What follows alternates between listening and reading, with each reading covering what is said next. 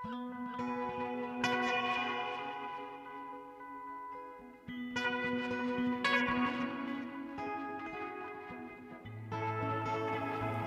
sjá helsar 20. og annan mars 2023. Hér sitja Halla Harðardóttir og Guðni Tómasson. Við erum með gest í Svipmynd í þætti dagsins. Gesturinn fættist árið 1947 og er líkil maður í þeirri miklu sköpunarbilgu sem varð í kringum 1980 og er oftast kölluð íslenska kveikmyndavorið. Hann hefur allakvöldu síðan verið í hópi okkar helstu og farsalestu kvikmyndaleikstjóra. Hann lærði kvikmyndagerð í Breitlandi í The National Film School þaðan sem hann útskrifaðist árið 1977 og fjórum árum síðar frumsindi hann sína fyrstu kvikmynd í fullri lengt, land og sinni.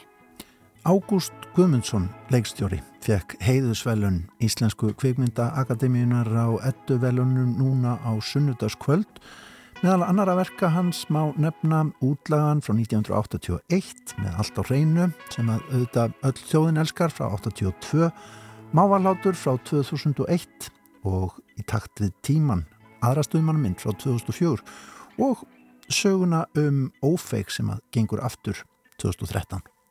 Ágúst Guðmundsson er gestur viðsjár í dag og hann setur fyrsta lagið á fónin.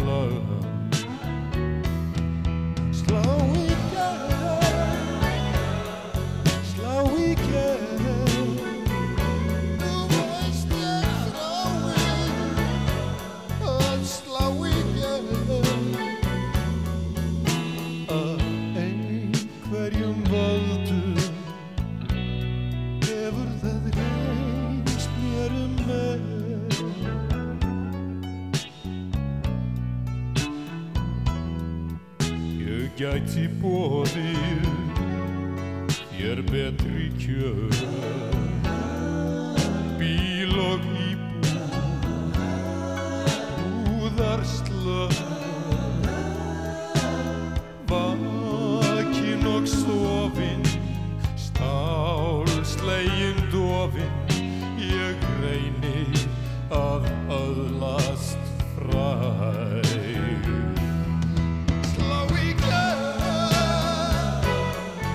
gera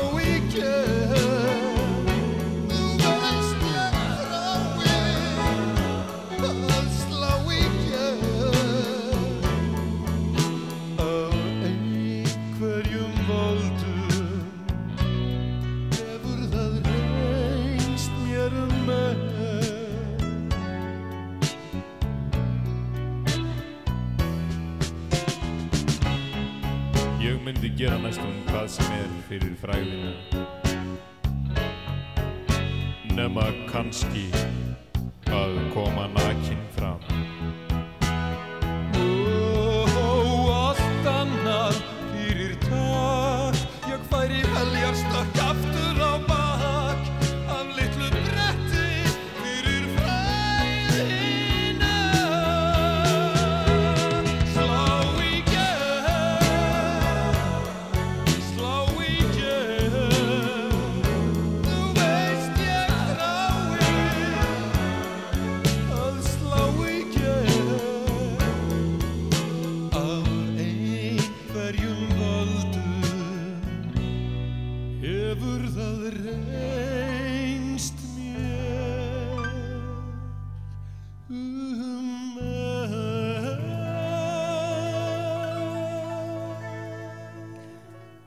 slá í gegn með stuðmunum að sjálfsögðu úr kvikmyndinni með allt á hreinu og hér situr leikstjórin Ágúst Guðmundsson. Verður velkominn til okkar í Vísjá.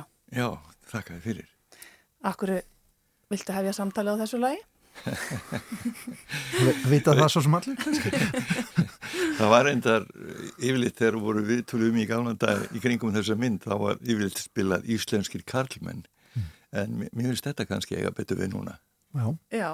Þú slóst heldur betur í gegn með þessar mynd. Hún er eiginlega ennþá algjört oskapad þjóðarinnar að kemur á kvikmyndagerð. Já, það er undarlegt til þess að hugsa og sérstaklega vegna þess að við sem stóðum að þessari mynd áttu nú ekki vona á, á því að hún myndi lífa svona lengi. Nei. en svona maður, maður sér svona alls ekki fyrir. Nei. Hvað er það í með allt á reynu sem að þú heldur að hafi sleiði svona rosalega Jú, það er það er náttúrulega þessi húmór sem tóst að, að búa þarna til sko. það var einhvern veginn uh, eitthvað sem var til í okkar samvinnu og svo náttúrulega hitt að þessi lög eru aldrei frábær mm. og þau ná að lifa með þjóðinni mm -hmm. Hún talaði inn í tíðarandan á sínu tíma en hún gerir það enn og nú bara fyrir stötu síðan var MR herranótt að setja upp þennan söngleik þannig að ungt fólk í dag er að sjá þessa mynd og skilja hana og, og fíla hana Já, það er annað hver framhaldsskóli búin að setja þetta á svið mm -hmm. og það er mjög gaman að þeim uppsetningum vegna þess að það eru afar ólíkar mm -hmm. og alltaf mjög gaman að koma. Ég mæti alltaf. Mætur alltaf? Já, þegar mér er bóðið. Já. Það gleymir stundum. Fórstu núna í MR? Já, já, já. Það er mikið gaman af. Mm -hmm. Það eru hæfileikar núti í samfélagi? Já, það er sko ekki nokkur váð því. Nei, sko, rifjum upp upphafið hvar býtur þessi hérna, bakteríaði að hugsa um bíó og gera bíó? Ég held að það hafi uh, algjörlega skipt sköpum að uh, við stopnum í mentaskólanum Kveikmyndaklúb. Um, það var Þorstein Helgason sem þá var fórseti listafélags mentaskólas. Hann uh, átti þessa hugmynd og, og kerið þetta stað og ég var svona hans hægri hönd. Og þarna eh, síndum við bara klassikina alveg frá þögl, þögla tímanum eh, bara allar perlur kvikmyndalistarinnar frá upphæfi vega. Eh, í fyrirramiseri voru við með Sergei Eisenstein sem aðal númer og, og í setna miseri þá síndum við Karl Theodor Dreyer í heilsinni wow. og svo framvegist þetta, þetta var ótrúleitt mál sem einhvern veginn hafði mikil áhrif ekki bara á mig heldur á, á marga kollega mína. Þarna, uh, þarna kviknaði þessi bakteríja hjá já, kannski hjá Þráni Bertelsinni allavega hjá Þóstinni Helgarsinni Þóstinni Jónssoni segir um, kannski Kristíni Jónisdóttur líka Hrafning Gunnlausinni mm -hmm. allt þetta fólk var þarna og einhvern veginn uh, greip þessa hugmynd að fara að gera bíó. Það er náttúrulega sko þessi mentaskóla ár sem að, að tilfinningarnar eru kannski sterkari en alla, þetta er svona tími í lífinu þar sem að er svo mikilvægt að kynast einhverju svona fallegu og hvað þá er mitt að vera að horfa og upplifa saman á kveikmyndir. Þetta er eitthvað svona sem að kannski hefur breyst, eða hvað heldur þú? Já, það hefur svolítið breyst. Eh, bíómenningin hefur mikið breyst, það er alveg satt. En svo vil ég nú líka bæta því við að á þessum tíma þá var mikil gróska í, í evróskri kvikmundagerð. Það var ímislegt stórmerkilt að gerast. Það var talað um frönsku nýbilgjuna og tjekknesku nýbilgjuna og hvort ekki hafði mikil áhrif á mig. Mm -hmm. mm. Hvaða svona höfundar voru mest að tala til þín á þessum tíma? Ég held að, að François Truffaut, svo franski, hafi, hafi einhvern veginn haft mikil áhrif á mig mm -hmm. það er Serðu áhrifin sjálfur?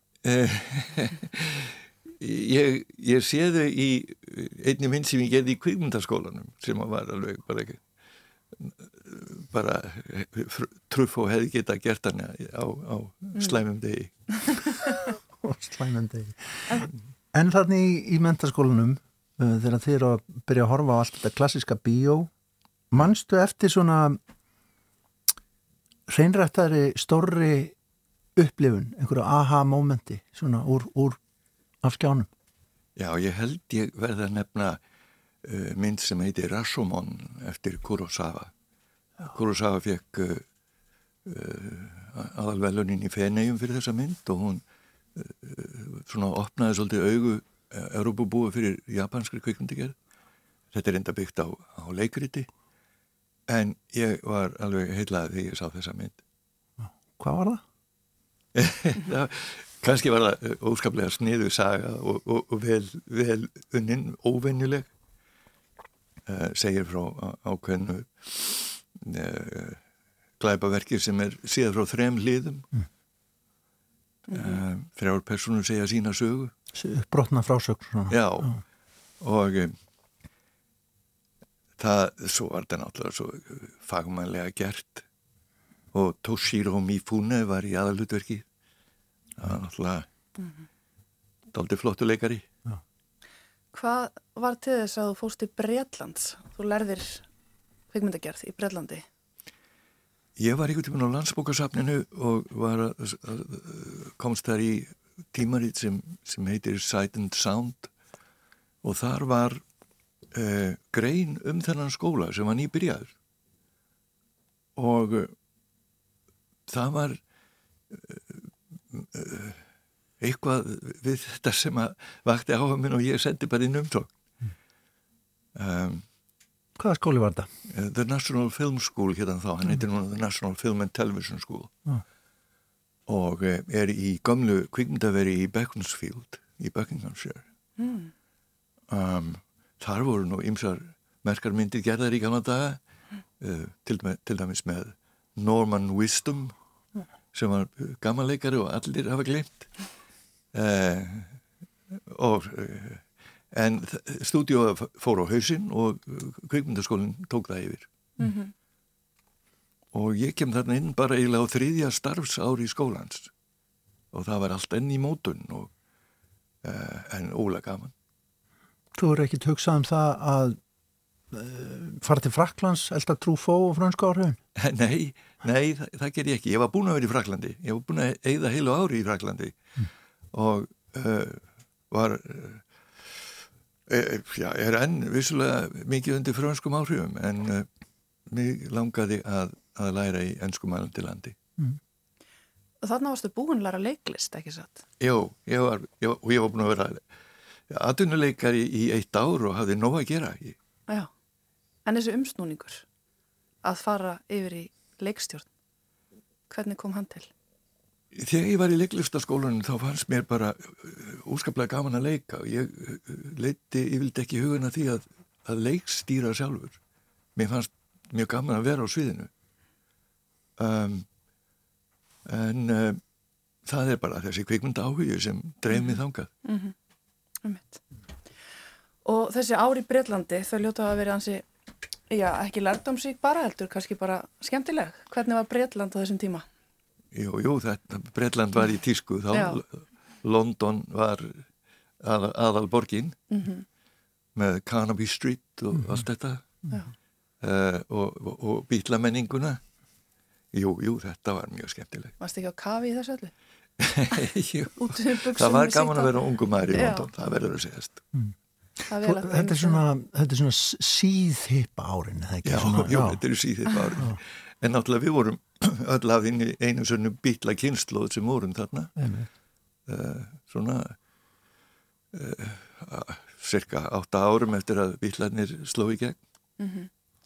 En þegar þú ert þarna ungum maður í námi síðhippa árunum ekki enn komin heim með útvandala með stóra drauma hvað svona, hvað dreifði áfram á þessum tíma, Hva, hver voru þín svona hver voru þínar ástriður, akkur langaði það að búa til bíó?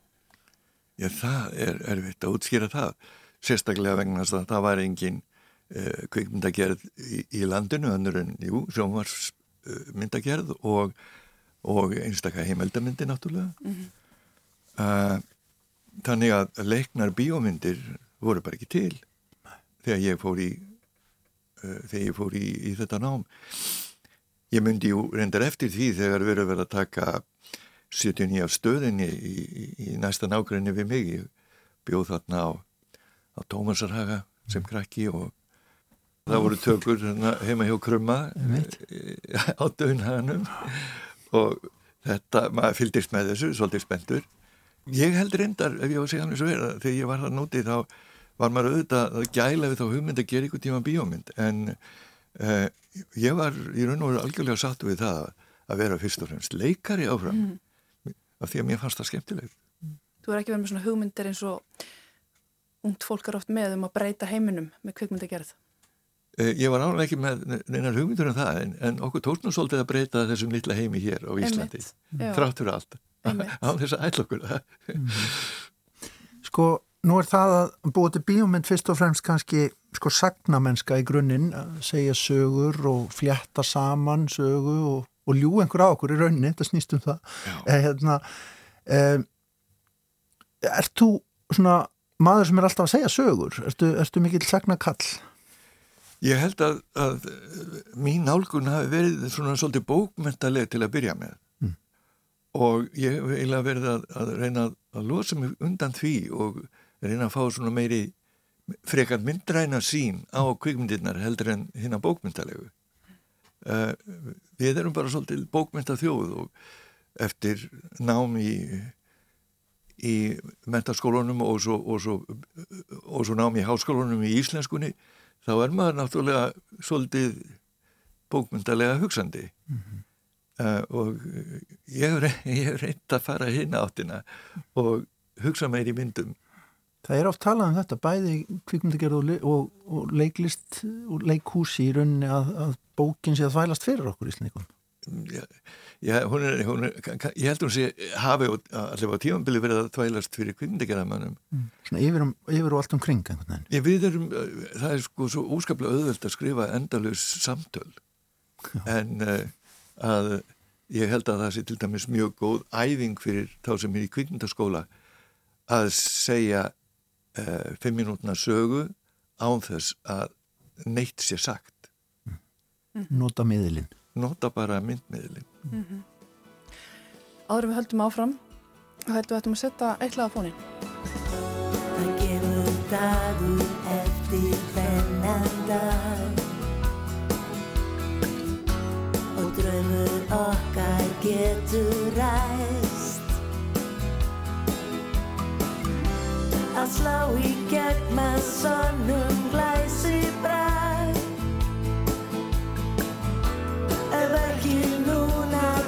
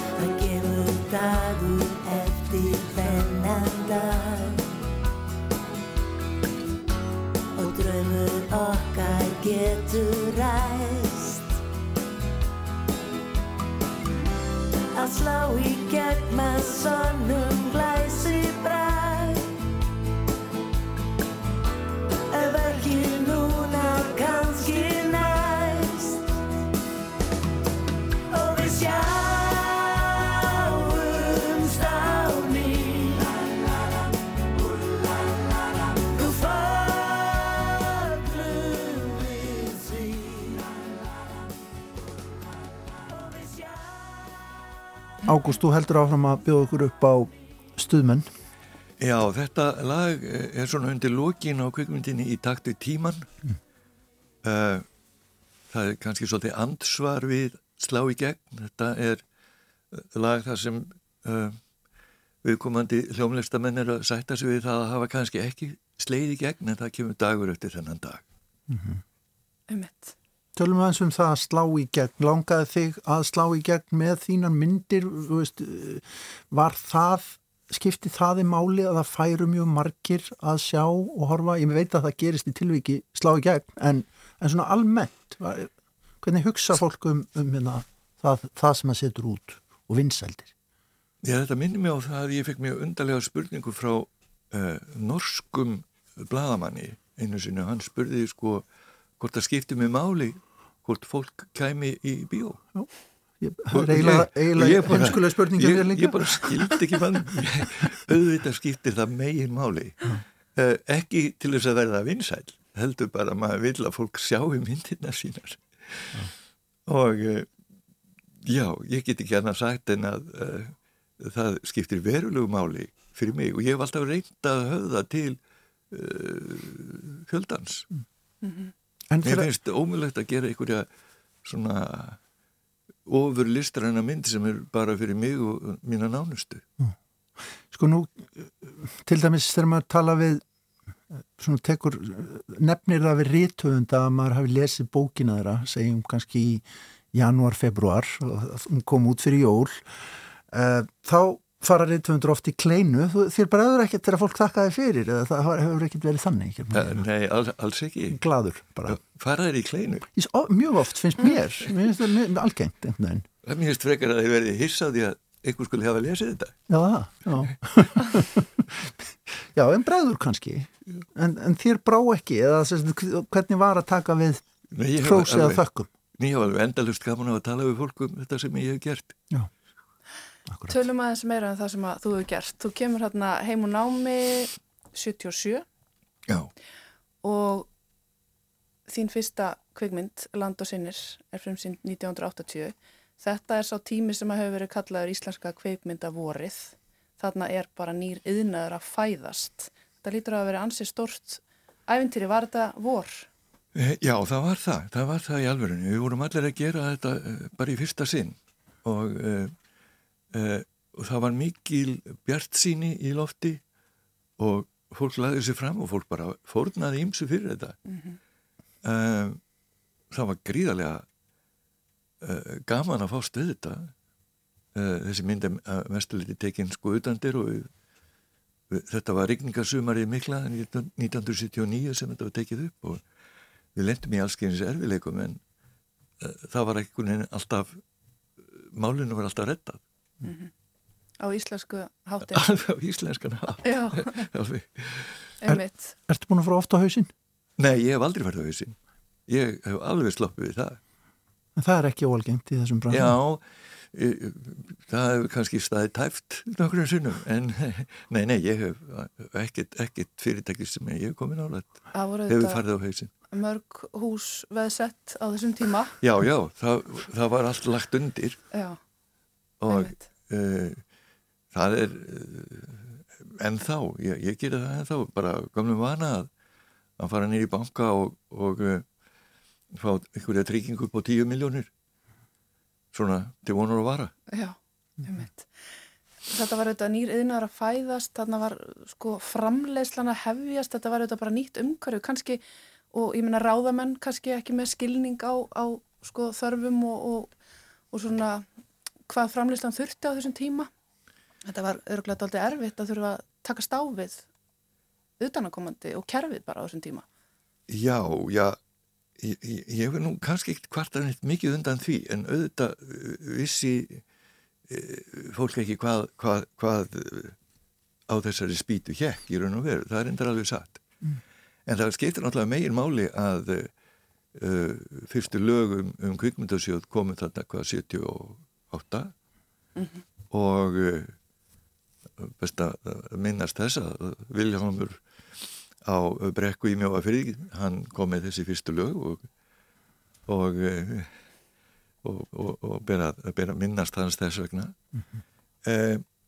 um, það sem uh, síðan hefur gæst er náttúrulega þetta hefur færst mjög í uh, hægt og bítandi í átt að skandinaviska módelinu mm. sem er mjög skinsamlegt og mjög gott og mjög, það var bara einhver þróun sem var, var vaflust ekki hægt að sjá fyrir þá en var gjóðsamlega óhjókvæmileg.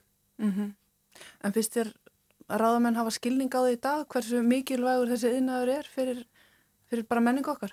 Já, ég, ég veit ekki hvort þér hafa kannski algjörðan skilning á því, við þurfum alltaf að hamra á því og það gerði ég nú þarna í þessari ræðuminni svona einhverju leiti mm -hmm.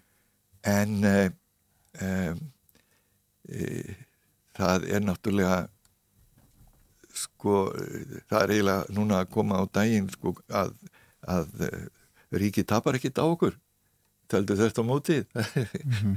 er, þessi, þessi grein er, er um, veldir miljörðum og um, stendur fyllilega undir sér og meira til Nákvæmlega, en það var kannski ekki skilningur á því fyrir 44 árum síðan Nei, kannski ekki, Nei. það er ég og enginn sá það fyrir Hvað hefur annar breyst á þessum 44 árum? Það er eins og ég segi, við höfum uh, tekið upp kerfi sem er skynsamlegt mm -hmm. og uh, svo hafa náttúrulega komið allir hefur komið allt þetta hæfileika fólk sem uh, kann til verka á öllum sviðum Margar kynslaður Já ah. Sko land og sínir, tölum að þessum hana. En, uh, það er mynd sem að fjallar auðvitað um þessar gríðalegu breytingar á 20. öld. Þú ert fættu 47 uh, og bara maður átt að segja ekkit maður bara gleymið því svo allt og oft einhvern veginn hvað mikið hefur breyst á, á bara á þeim tíma og einnig manns æfi svo mynd fjallað um þetta. Sko finnst ég þú horfir yfir sviðið ekki bara út frá þínum eigin myndum heldur út frá bara kveikmyndagerði Íslandinga höfum við náðu utanum þessar breytingar í bíósögunni kannski ekki allar ég hef til dæmis uh, núna upp á síkastið haft greiðilega mikið áhuga að fjalla um, um bólutíman, þar að segja fyrsta áratug þessar áraldar. Mér finnst við um ennþá eftir að, að segja þá sögu. Öðru finnst þetta kannski klísikjent að tefa alltaf á þessu sama en, en e, fyrsti áratugur þessar áraldar er ykkur sá förðulegasti sem ég hef upplifað af þeim áratugum sem ég hef lifað. Og við um eftir að gera, gera það upp fyrst mér í bíómyndunum. Mm.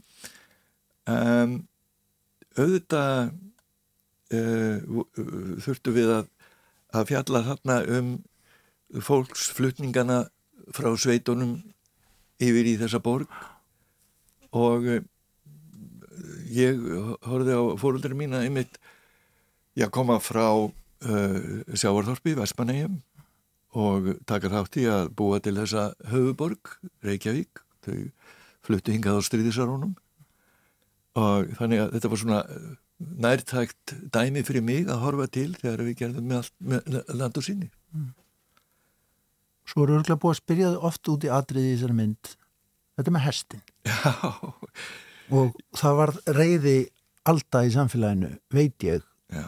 þegar að hesturinn er skotin Já nú er ég held ég, já, ég verð, ég verð bara að segja það, ég er þá kannski bara að segja frá einhverju sem má ekki segja frá, en það, þetta gerist í þessari mynd og það var alltaf vittlust, hvernig hérna reyði þetta eins upp? Já, meira að segja, það stendur á Internet Movie Database að, að þetta sé mynd það sem hestu sér unnvölu á skotin í mynd. Það stendur það? Já, ég, hef alltaf ætlað mér að fara að reyna að leiðrætta þetta en það sem gerist var náttúrulega það að, að þessu stjórnaði dýralæknir staðarins. Mm -hmm hann, hann sá algjörlega um að gera þetta með þeim hætti að hesturinn fann ekki fyrir neinu. Nei. og eh, var farin að býta svona tveim mínútum eftir að við lögum tökunum. Uh, ég var enda farin að að, að að halda lilla tölu um þetta áður en ég síndi myndina ofnbeglega, ég var á, á ferðalægjum bandaríkin með land og síni mm. aðalega hjá hérna hjá uh, skandinaviskum uh, uh áhörundum þar eða fólki á skandinaviskum uppruna og ég bara byrjaði á að segja sko, í, í þessari mynd þá uh, er hefstu skotin en hann er ekki skotin í alverðinni mm -hmm. það þurfti bara Já, það var eiginlega nöðsynlegt sko. En það voru bara blaðaskrif og, og læti. Já, já, og það var, það var svolítið erfitt þegar eitthvað svona lag kemur upp þá mjög erfitt að, að leiðir þetta það öllu leiti já. en því fólk býtur eitthvað í sig og, og bara hlustar ekki á leiðréttingarnar. Einmitt. Þessi reyði alda hefði kannski orðið stærri í dag á tímum samfélagsmiðla. Já, nú er það gríðaleg sko. Já, einmitt Mér lókaði þess að tala við líka um sko varandi þessar breytingar síðan að þú varst að gera land og síni. Ef við tölum líka bara um tæknina. Að þú myndist á því ræðinuðinni á ettunni. Eh, sko, þú einbræður hans á því sko hvernig þetta hefði verið á sínum tíma að uh, þú varst að leita upp eða voru náttúrulega ekki peningar, þannig er það að nota filmur. Þú varst ykkur um kjöllurum í London og að, hérna, að redda filmubútum. Þetta eru þetta sko ótrúlega breytingar. Já, sko, framleiðandin Jón Hermansson var mjög útsjónarsami maður og hann fann þessa veslun í Kjallarhóli í Sóhó sem seldi afgangsráfilmu. Og það verður náttúrulega að útskýra hvað það er, skil, það er sem sagt uh, magasínið sem hefur að geima filmunast og er sett upp á tökuvillina e, það þegar búið er að taka einhverjar senur þá eru oft eftir bútur. Mm. og stóru kvikmyndafyrirtækin þau bara tóku þetta út og setti til liðar og notuðu aldrei eftir mm. og uh, myndin er tekin á svona búta. Mm. við keftum þetta fyrir lítið. Magnað. Og það bara skeitt saman? Bara Nei, sko, það þýtti það bara það var uh, uh, aðstofatökumæðurinn sem var Ari Kristinsson þurfti alltaf að vera að hlaða magasínin vegna þess að uh, við við vorum kannski með, með filmu fyrir eina tökku og svo þurftum við að fá uh, næsta bút Já. Heldur að þessar vinnu aðferðir hafi haft áhrif á sko sagna gerðina á kvikmyndagerðina sjálfa þú veist, nú hefur þú upplifað hvernig þessi stafranatakni tóku yfir Já, það, ég held að það hafi tekið bara það hafi áhrif á sjálfa myndina sko mm -hmm. uh, það er mjög lítið klift í henni til dæmis. Ég, ég var sex vikur að klippa þessa mynd. Uh, það var eiginlega ekki, ekki til að klippa það var bara að skera af upphafið og endin og svo var Já, það er eiginlega búið að klippa hann í hugarum áður. En eh, sko ég horfi ekki hérna til þessara tíma með svona uh, já það, það er svona ákveðin romantík sem, sem svífur þarna yfir En ég vil nú reynda líka tala um aðra romantík sem fylgir stafrænutekninni, það sem hægt er að gera allt, ótrúlega möguleikar, alls konar útfæslur. Þetta er líka romantík af þessi leiti, en við vorum bara akkurat á hinum endanum þarna. Mm -hmm. En það skapar svona myndinni ákveði, ákveði svipmót mm. og uh, ég, svona eftir að hugja, þá finnst mér það bara algjörlega, algjörlega frábært. Mm -hmm einn af þínum læri fæðurum Godard, hann Já. tók nú aldilis fagnandi þessari nýju stafrænu tekni Jú, jú, hann gerði það. Mm -hmm. en það var, það var eiginlega eftir að hann var búin að gera allt sem var eiginlega merkilegt í hans, á hans æguferli En þú tala um romantík og manni finnst þetta svo romantist hérna heiti Íslenska kveikmynda vorið. Já, ég veit ekki hver fann upp á því. Nei, ég fór bara alltaf inn að hugsa það, veistu, þú veist ekkert um það. Hvaðan það kemur? Svo fannst mér ágætt sem eftir þetta reynu oddsinni að myndin hans hafi verið vorbúðinn sem kom hann á myndan. það er vel tilfundið. Já, ummi, það er þetta tegja voruð ímsar áttir kannski. það er farið. En það er, það er ennþá sömar. En sko, þetta var náttúrulega ekki, þetta hljómar doldið, bara þessi, bara þetta, þessi nafngift eða merkimiði sem er sett á þetta tímabill, hljómar doldið eins og þetta hafi verið dans á rósum Já, það var bara gaman. Það var bara gaman. ég, ég veit ekki, ég, ég var bara alltaf frábæra við þetta. Já, bara góðu hlutina. Já. Er ekki alltaf gaman að taka þátt í ykkur svona nýju? Jú, maður var alltaf einhvern veginn að gera eitthvað í fyrsta sinn. Þegar við geraðum útlagan þá var það, uh, það var engin, engin filmað íslendingasögu. Það þurfti að gera. Já. Það var svolítið merkilegt að, að Indriða Þorstinsinni fannst það líka og einhvern tíma var ég heima í honum og við vorum að tala um þetta, já, að, þetta er bara næsta mála dagskrá að kvikmynda Íslandíkasögu og kona hans, Þórun, hún kom hann inn með kaffið og, og kleinurnar og, og sagði, eru þið alveg vissir um það? Af hverju fannst ykkur það? Að það þurfti að gera það? Við vorum líklega svona daldið þjóðurnislega sinnaði, sko. Við vorum að nota Íslensk landslag. Það hefði engin notað það almennilega. Ég var með svona svolítið stefnum að nota ekki sko frægasta landslægið, heldur bara Íslenska sveit. Íslensk sveita landslag. Mm -hmm.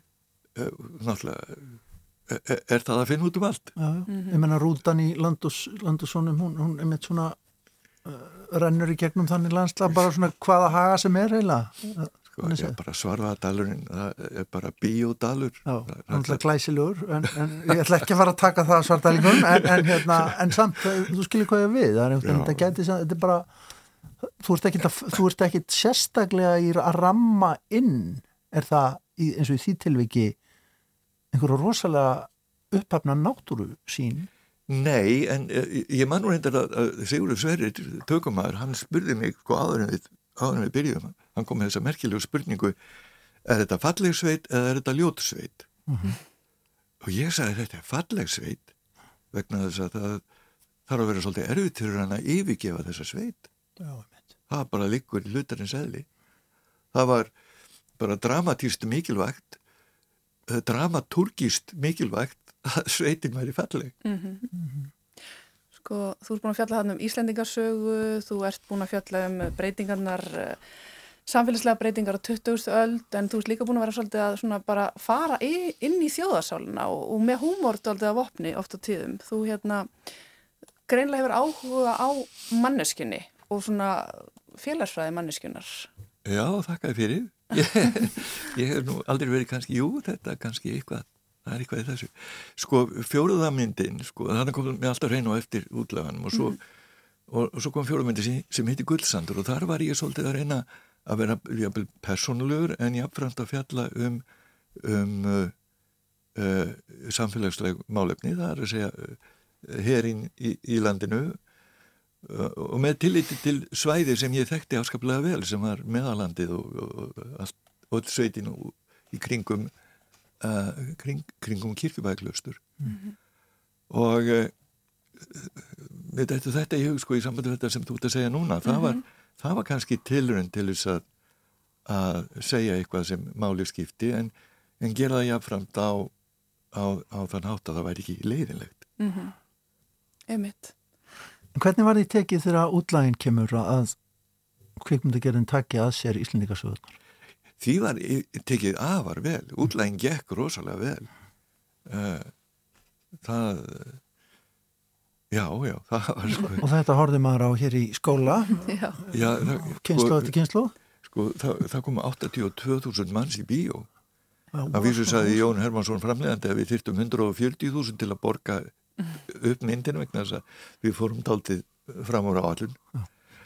En svo bjargaðist það vegna þess að hún, jú, hún fór í skólana og hún uh, var sínt viða elendis. Hún fór í sjónvarp bæði í í Þýskalandi og Fraklandi og það, það borgaði upp skuldirna. Sko Þýskaland, það eru þetta ekki að sleppa þér úr svo spjallið að tala um nonna og manna. Já. Þú ert stórt nafn í Þýskalandi, þessi, þessi seria sló í gegn þar og þetta hér heima líka. Já, já hún, hún fór hans í viða. Mm -hmm.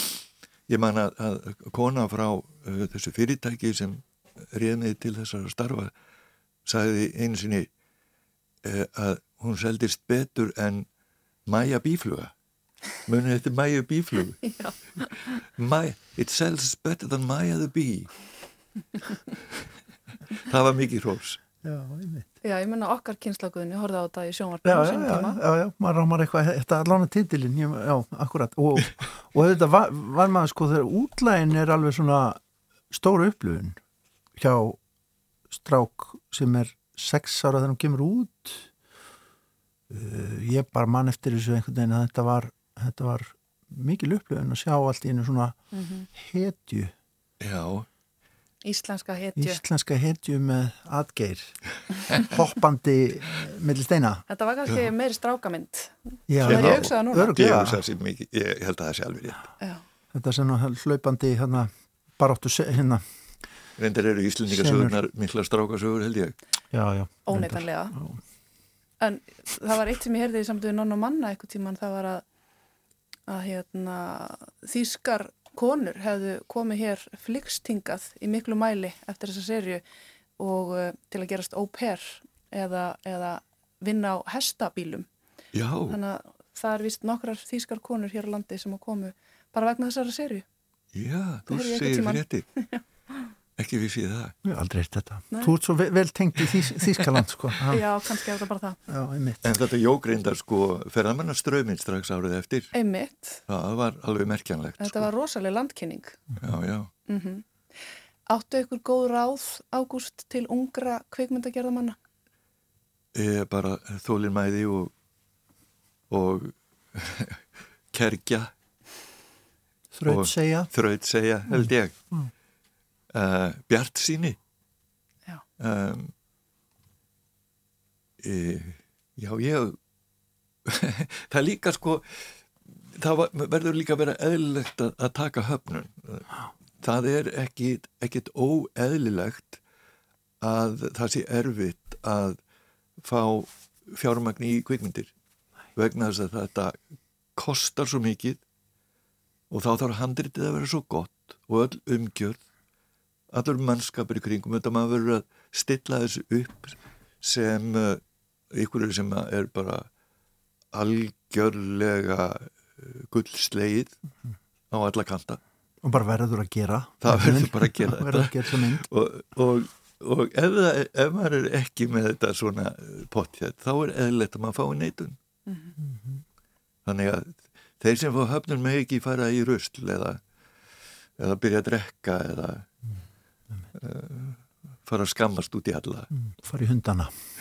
Enga biturð. enga bitur En ef við hugsaum aðeins um hlutverk uh, Ágúst sko leikstjórans uh, hann er einhvers konar verkstjóri líka, hann er ekki bara með þessa listrænu sín og sérstaklega kannski í íslensku samingi þar sem að hendurnar eru færri og stjættskiptingin minni en ellendis eða sem sagt flokkarnir, undir flokkarnir allir og það eru færri hendur að koma að þessum verkefnum en víða annar staðar. Sko þarf leikstjóri að vera með puttana í öllu? Er þú sko, til dæmis það sem að kallast á, á mjög andru íslensku micromanager sagt, ertu, ertu í smáadreðanum alveg? Ég, ég verða viðkynna ég er þannig já. Þú ert þannig. En uh, ég held ég einu líka gott með að vinna með fólki. Uh, en ég hef yfirleitt uh, svona mjög ákveðna hugmyndum hvernig eigi að taka myndina uh, ég er svona yfirleitt klár með skotlista og uh, og ég er hins vegar mjög, mjög hrifin af því þegar aðri komið góðar hugmyndir sem ég hef ekki fengið tekur þeim fagnandi Ég tek þeim fagnandi, já. Já. En ég, ég hugsa að ég sé svona daldið lungið við það að koma mínu að án þess að taka frekjukost. hvernig er það að fá heiðusvelun Ógulega gaman.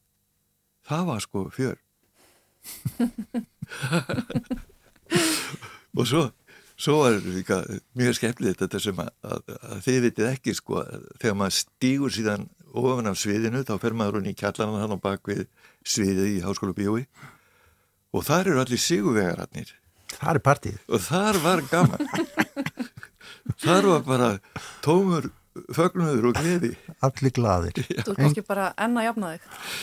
já, já Þú talaður um það í hérna þessari fínu ræðu sem þú helst að hérna við þurftum að hugsa vel um tungumálið. Það þarf að hlúa vel að íslenskunni og uh, já, menningaframleysla og framleysla og kvikmyndum sannarlega gerir það. Hefur áhyggjur af tungumálinu og bara stöðu íslenskunar? Já, ég hef það. Ég bara segja alveg eins og er.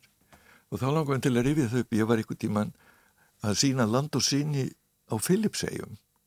Og ég var þar inn á hóteli og eh, var svona ganni stundum að horfa á sjónvarpiðar. Og þar voru ykkur að sápuóperur og þar talaði fólk ykkur tungumál sem að ég skildi alls ekki. En svo inn á milli komu slettur á ensku. Þannig að ég náði svona nokkurn veginn að, að fylgjast með sögutræðinum svo horf á danst sjónvarpila ég, ég var sko, ég var heila og ég man að ég hafði orðað þessu ykkur tíman í ykkur í grein sem ég skrifaði eh, þegar ég var í fórsóri fyrir bandarlegistinska listamanna þar sem ég var nú einmitt að hafa orða þessu með tungumálið hvað mér hefði fundist þetta ankanalegt en mér finnst við vera orðin svona núna. Það er svo miklu slett og það er svo mikið um það að ungt fólk hugsi á ennsku og tali saman á ennsku mm -hmm. Og íslenska má ekki vera annarsflóks tungumál í þessu landi Og nefnir það, þú varst náttúrulega fórseti mandalags íslenskra listamanna til fjölmarkra ára hvernig var að vera í því hlutverki að vera sá sem að hérna, reynir að opna augu stjórnmálumanna í mikilvægi listana? Í það, það, það var náttúrulega ekkit allt og öðveld en e, í minni fórsta tíð og tókst nú að, að fjölga e, starfslaunum listamanna. Það var þá e, úr 1200 upp í 1600, það búið fjölgaði menn síðan sko. En mér fannst það e, eiginlega mesta afreik okkar sem vorum í stjórninni þá að ná því fram.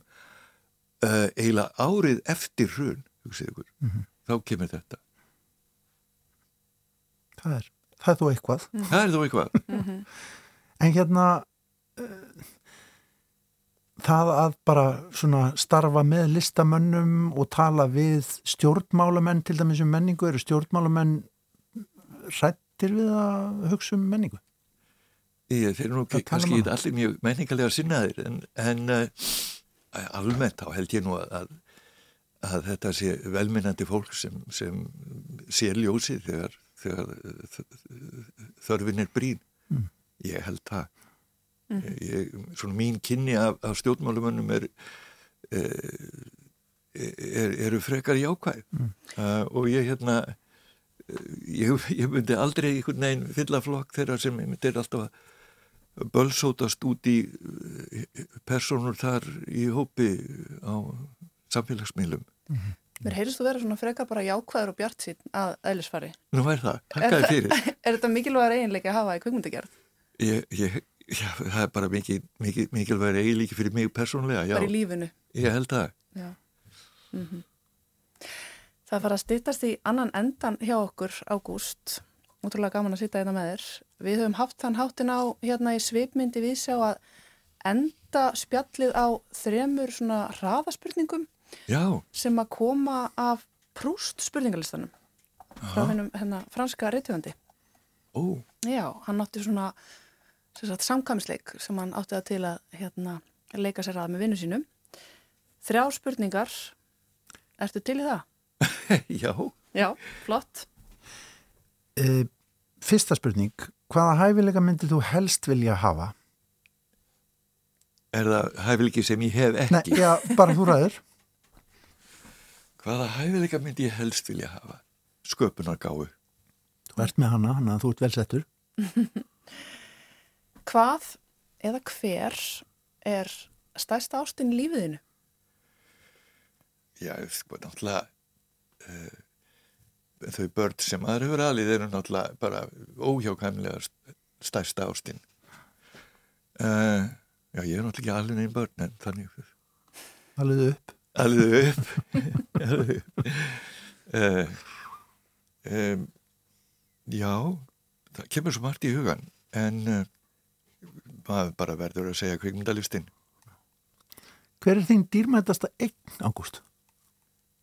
Uh, ég er ekkert voðalega mikið gefin fyrir eigur hver er mín dýrmætasta eign og þá er það vantarlega hlutur Það má alveg vera Máttalega svara börnin held ég. Ég held, ég, ég, held að, að hljóti bara að vera börnin, ég meina hvað er það? En ámaður börnin sín? Nei og svo ámaður þau ekki, það er það fallega við þetta. Dýrmættastu eignin er eitthvað sem er á ekki. Liklega rétt. Ágúst Guðmundsson, nýbakaður heiðusvelina hafi, ettunar og kveikmyndaakademíunar íslensku. Um, loka lagið okkar í dag? Já, þetta er lag uh, sem uh, var tekið upp fyrir kveikmyndina Ófegur gengur aftur uh, það heyrist eiginlega varla þar en þetta er lag sem að ég samti fyrir mörgum árum að ákveðinu tilefni og Karl Olgersson útsetti þetta síðan í svona swingle singers stíl oh. og gerði það feikilega vel ég held að hann leiki á öll hljóðverði sjálfur og hann syngur þetta með sænskri söngkonu og þetta er tekið upp í Lundi í Svíðjóð. Og lagið heitir? Amalískvæði. Amalískvæði. Hvernig átt Amali? 29. júni. Takk fyrir komuna í Víðsjá, takk fyrir komuna í Svipmynd í Víðsjá. Ágúst Gummarsson. Ennu aftur til hamingju. Já, takk fyrir.